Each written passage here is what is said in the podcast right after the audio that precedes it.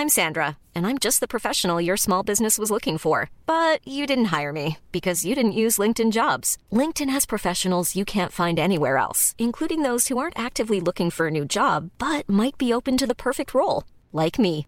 In a given month, over 70% of LinkedIn users don't visit other leading job sites. So if you're not looking on LinkedIn, you'll miss out on great candidates like Sandra. Start hiring professionals like a professional. Post your free job on linkedin.com/people today. April is the month of the military child. Come celebrate at the National Museum of the United States Army, where they tell the story of Army children all year long. Their Growing Up Army exhibit features Army kids sharing their adventures about Army life, and their Brats to Boots interactive introduces visitors to kids who grew up in Army families and chose to serve as soldiers too. Come celebrate Army kids at the National Army Museum, just off I 95 in Alexandria, Virginia. Plan your free visit at usarmymuseum.org. قضيتين متشابهتين تماما. تلاقي مدعي عام بكيفهم التجار بالبشر مدعي عام آخر لا يكيفهم التجار بالبشر. مساعدة قانونية ونفسية واجتماعية للضحايا.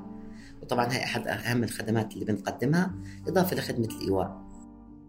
أنا معكم أنس ضمرة في حلقة جديدة من بودكاست ما العمل في الموسم الأول والثاني من ما العمل تعرفنا على العمال المهاجرين عن قرب. سمعنا منهم عن تجاربهم في الأردن. وناقشنا السياسات اللي بتنظم سوق العمل وأثرها على هدول العمال. بس بهالموسم رح نحكي أكثر عن العمال الأردنيين في سوق العمل عن معاركهم ونضالاتهم اليومية لتحصيل وحماية حقوقهم. بآخر ثلاث حلقات من موسمنا قررنا نخصص حديثنا عن موضوع كثير مهم يمكن مش كثير انحكى عنه الإتجار بالبشر. رح نحكي عن الإتجار بالأردنيين أنفسهم أو الإتجار بعمال مهاجرين على الأراضي الأردنية. الإتجار بالبشر أكثر الجرائم انتشارا بالعالم بعد تجارة المخدرات والسلاح وفقا لمنظمة الأمم المتحدة. المنظمة الدولية للشرطة الجنائية الإنتربول تحكي إنه ضحايا هاي الجرائم يعتبروا مجرد سلعة بالنسبة للمجرمين. يمكن استخدامها أو حتى بيعها لتحقيق مكاسب مالية بتجاهل تام لكرامة وحقوق الإنسان. الإتجار بالأشخاص هو جريمة استغلال النساء والأطفال والرجال لأهداف كثيرة بما فيها العمل الجبري أو الجنس أو حتى تجارة الأعضاء. هاي التجارة العابرة للحدود بروح ضحيتها عدد كبير من الناس حول العالم سنوياً.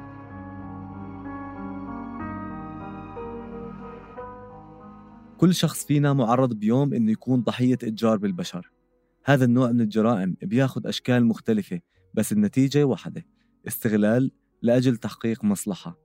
وهذا جزء من تعريف مفهوم الإتجار بالبشر. زي ما ورد في القانون الأردني والاتفاقيات الدولية.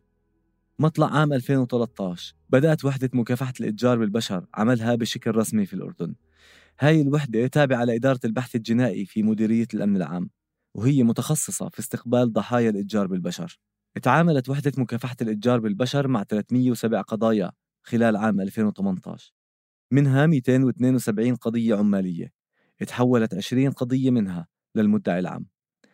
القانون الأردني لمنع الإتجار بالبشر بنص على ضرورة وجود دار لإيواء ضحايا الإتجار بالبشر وهي دار كرامة اللي بتقدم خدمات قانونية وصحية وتأهيلية للضحايا. هاي الدار اللي بتشرف عليها وزارة التنمية الاجتماعية جاءت بعد سنوات من مطالبات حقوقية بضرورة افتتاحها لاستكمال استحقاق التزام الأردن ووفائه ببنود الاتفاقية الدولية والبروتوكول الاختياري الملحق فيها. مدير مديرية الأحداث والأمن المجتمعي محمود الهروط في وزارة التنمية الاجتماعية بيحكي لنا عن هيكلية وتأسيس دار كرامة. تم وضع قانون منع الإتجار بالبشر عام 2009 انبثق عن القانون نظام دور إيواء المجني عليهم والمتضررين من جرائم الإتجار بالبشر. هذا النظام تم وضعه وبموجب هذا النظام تم تأسيس دار كرامة. دار كرامة سميت بدار كرامة من كرامة من كرامة الإنسان يعني. افتتحت دار كرامة ب 12 9 2015 لإيواء ضحايا ومتضرري الإتجار بالبشر. الطاقة الاستيعابية للدار 35 حالة. طبعا المبنى يتكون من قسم للإناث وبرضه للذكور من ضحايا الإتجار بالبشر. عندنا برضو مكان في حال إنه كان هناك طفل ضحية إتجار بالبشر. شراكتنا إحنا بالدار مع الأمن العام إدارة البحث الجنائي وحدة آه، منع الإتجار بالبشر.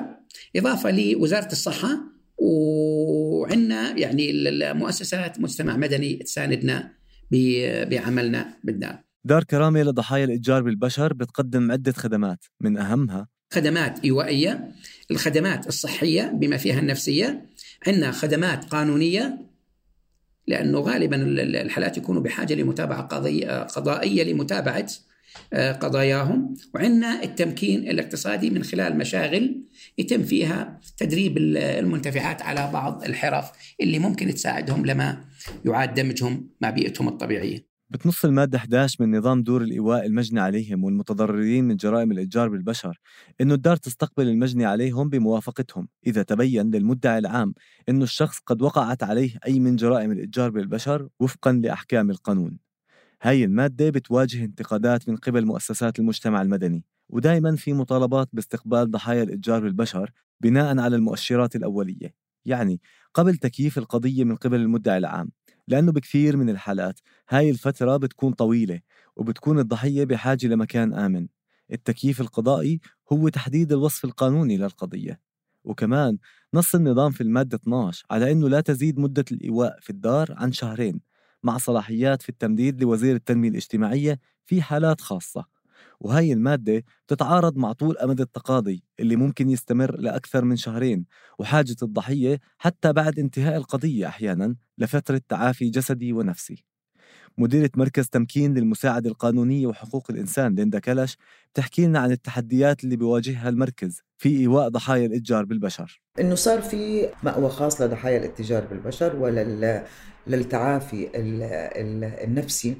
والبدني لكن للأسف الشديد نظام المأوى فيه قصور من ناحية المدة اللي هي مدة شهرين ومدة شهرين لا تكفي من ناحية من يحيل إلى المأوى. من يحيل إلى المأوى؟ المدعي العام بعد تكييف الحالة كاتجار بالبشر أو عن طريق الوزير أو من يفوضه. هلأ إذا بنحكي عن قضايا الاتجار بالبشر بنحكي عن فترة إنقاذ إنقاذ الضحية. من الإنقاذ للتحقيق ممكن تحتاج لتعافي. وأثناء التحقيق ممكن كمان تحتاج لبقاء في مكان. إيواء فإحنا لما نستنى لعند تكييف المدعي العام هناك وقت ما فيش فيه حماية.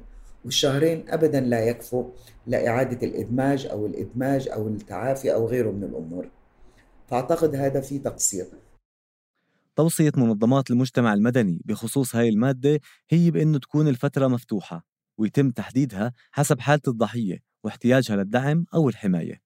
مدير مديرية الأحداث والأمن المجتمعي محمود الهروط بحكي لنا عن شكل هاي القضايا وكيف بتم تكييفها.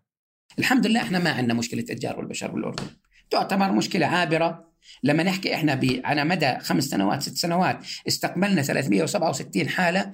جزء كبير جدا من اللي استقبلناه كانت قضاياهم عمالية، يعني بعد ما يتم تكييف قضيتها يتبين بأنه مش ضحيه إتجار بالبشر وإنما قضيتها عمالية، يعني خلاف مع صاحب العمل. وهون بنرجع لليندا كلش لتذكرنا بإشكالية التكييف وعدم وجود ادعاء عام متخصص للنظر في قضايا الإتجار بالبشر. الأمر اللي بحول كثير من القضايا لقضايا عمالية أو خلاف مع صاحب العمل آه، موضوع التكييف موضوع كتير مهم وأعتقد مطالبنا كانت إيجاد ادعاء عام متخصص بهذا الموضوع وموجود بالقانون الجديد تخصيص مدعي عام أو أكثر لنظر قضايا الاتجار بالبشر. حاليا الوضع الحالي ما في في لا ما في مدعي عام متخصص إشكالية التكييف هاي إشكالية كبيرة. أحيانا بتلاحظ أنه نفس القضية أو قضيتين متشابهتين تماما.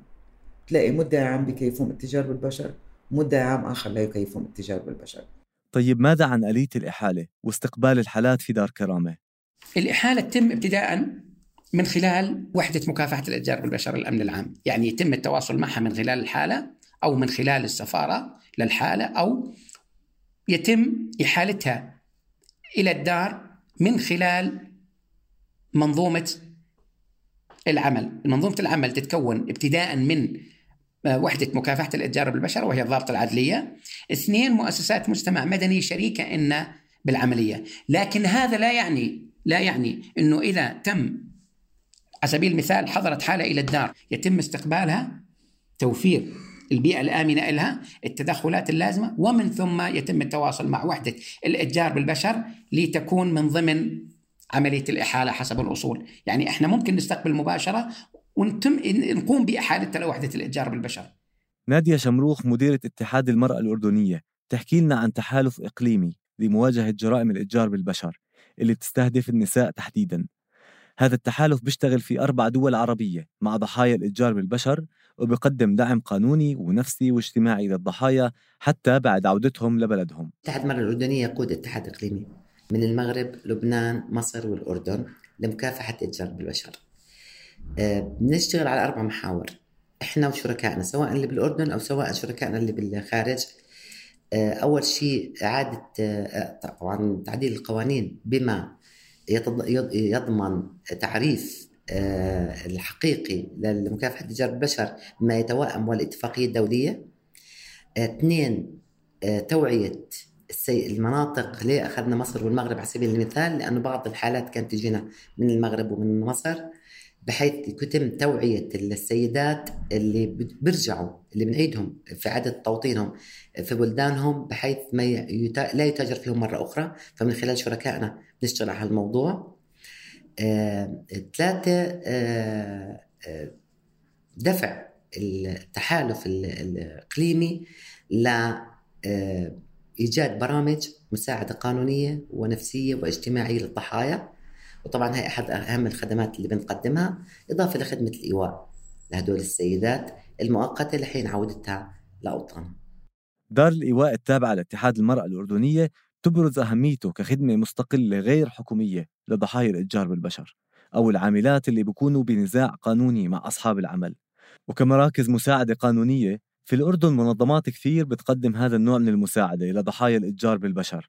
منهم مركز عدل ومنهم النهضة العربية للديمقراطية والتنمية أرض ومنهم مركز تمكين للمساعدة القانونية وحقوق الإنسان. تحكي لنا ليندا كلش مديرة مركز تمكين عن مشوار مرافقة ضحية إتجار بالبشر. من وصول الضحية للمركز وحتى التقاضي. هلأ إحنا كمركز يعني بالعمال وبضحايا الاتجار بالبشر بشكل خاص نستقبل حالات عمالية. ومن خلال الحالة اللي بتجينا بنحاول نعرف إذا كانت فيها مؤشرات اتجار بالبشر أم لا.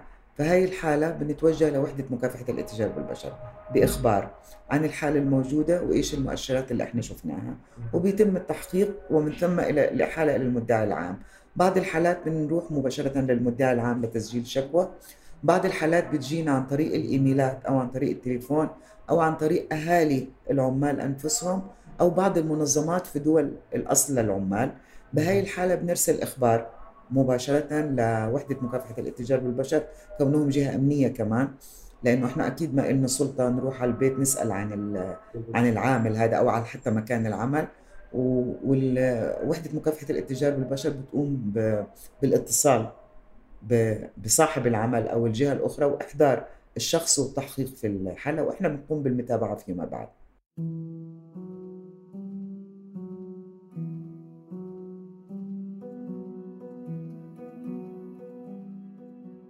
بالحلقات السابقة من ملعمل تعرفنا على تيمانتي عاملة من سريلانكا اشتغلت في الأردن لمدة 15 سنة بدون أجر أنا نيمانتي آه، أنا سريلانكي آه، أنا جوردان يجي 15 سنة آه، كل يوم بشغل كل سوي أنا بيت بابا كل يوم نو أعطيكي مصاري يوم بكرة ودي أعطيكي نو أعطيكي مصاري أنا كودي خمسة سنة مصاري كمان عشر سنة نو أعطيكي ولا إشي ولا, ولا نص دينار نو أعطيكي يوم بكرة بعدين هيك كل يوم بعد 15 سنة من غربة تيمانتي عن بلدها وعن بنتها اللي تركتها وهي بعمر سنتين قررت إنه بكفي.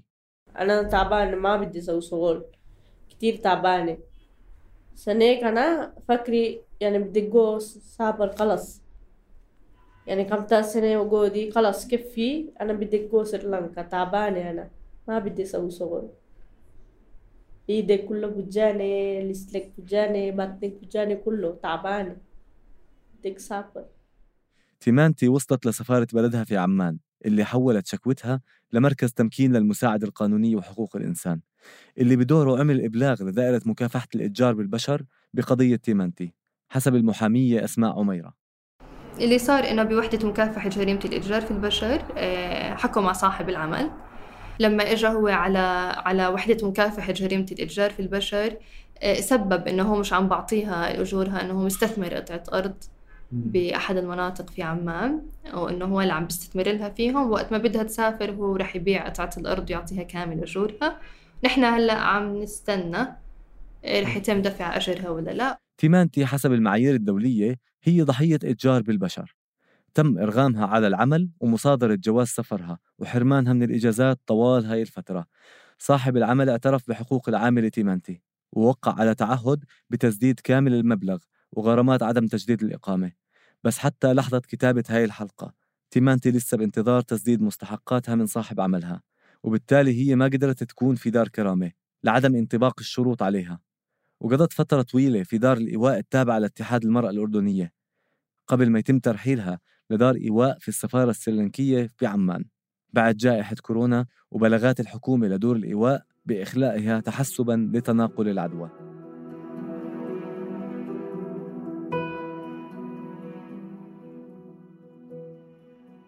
على الصعيد الرسمي مكافحة الإتجار بالبشر بتتوزع على أكثر من مؤسسة حكومية.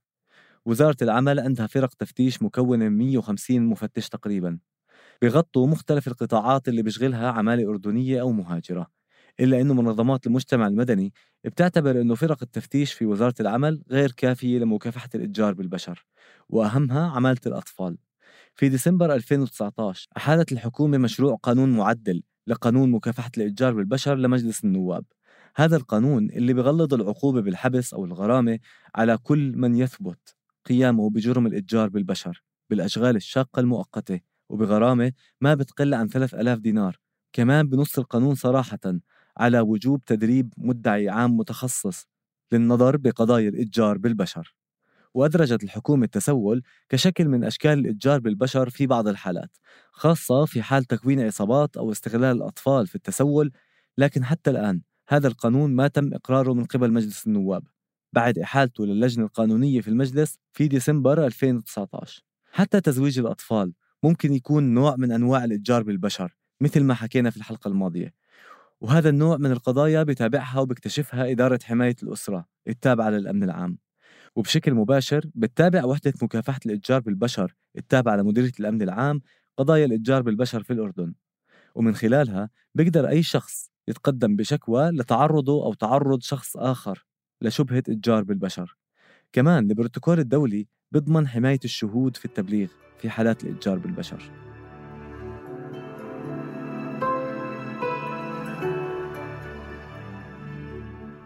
بآخر ثلاث حلقات من موسمنا حاولنا التعريف بجرائم الإتجار بالبشر. كمفهوم قانوني وكجريمة بتصير يوميا في مجتمعاتنا. استعرضنا القوانين المحلية والاتفاقيات الدولية اللي بتحكم هالجريمة. حكينا عن ضحايا إتجار بالبشر وكيف ممكن نتحول لمجرد سلعة بمواجهة مع أشخاص بيحاولوا يستغلوا أي شيء بهدف تحقيق الربح. كنت معكم في الإعداد والتقديم أنس ضمرة تيسير قباني في هندسة الصوت وتالا العيسى في التحرير. تابعونا على فيسبوك وتويتر للاستماع إلى باقي حلقات برنامج ملعمل من إنتاج منصة صوت.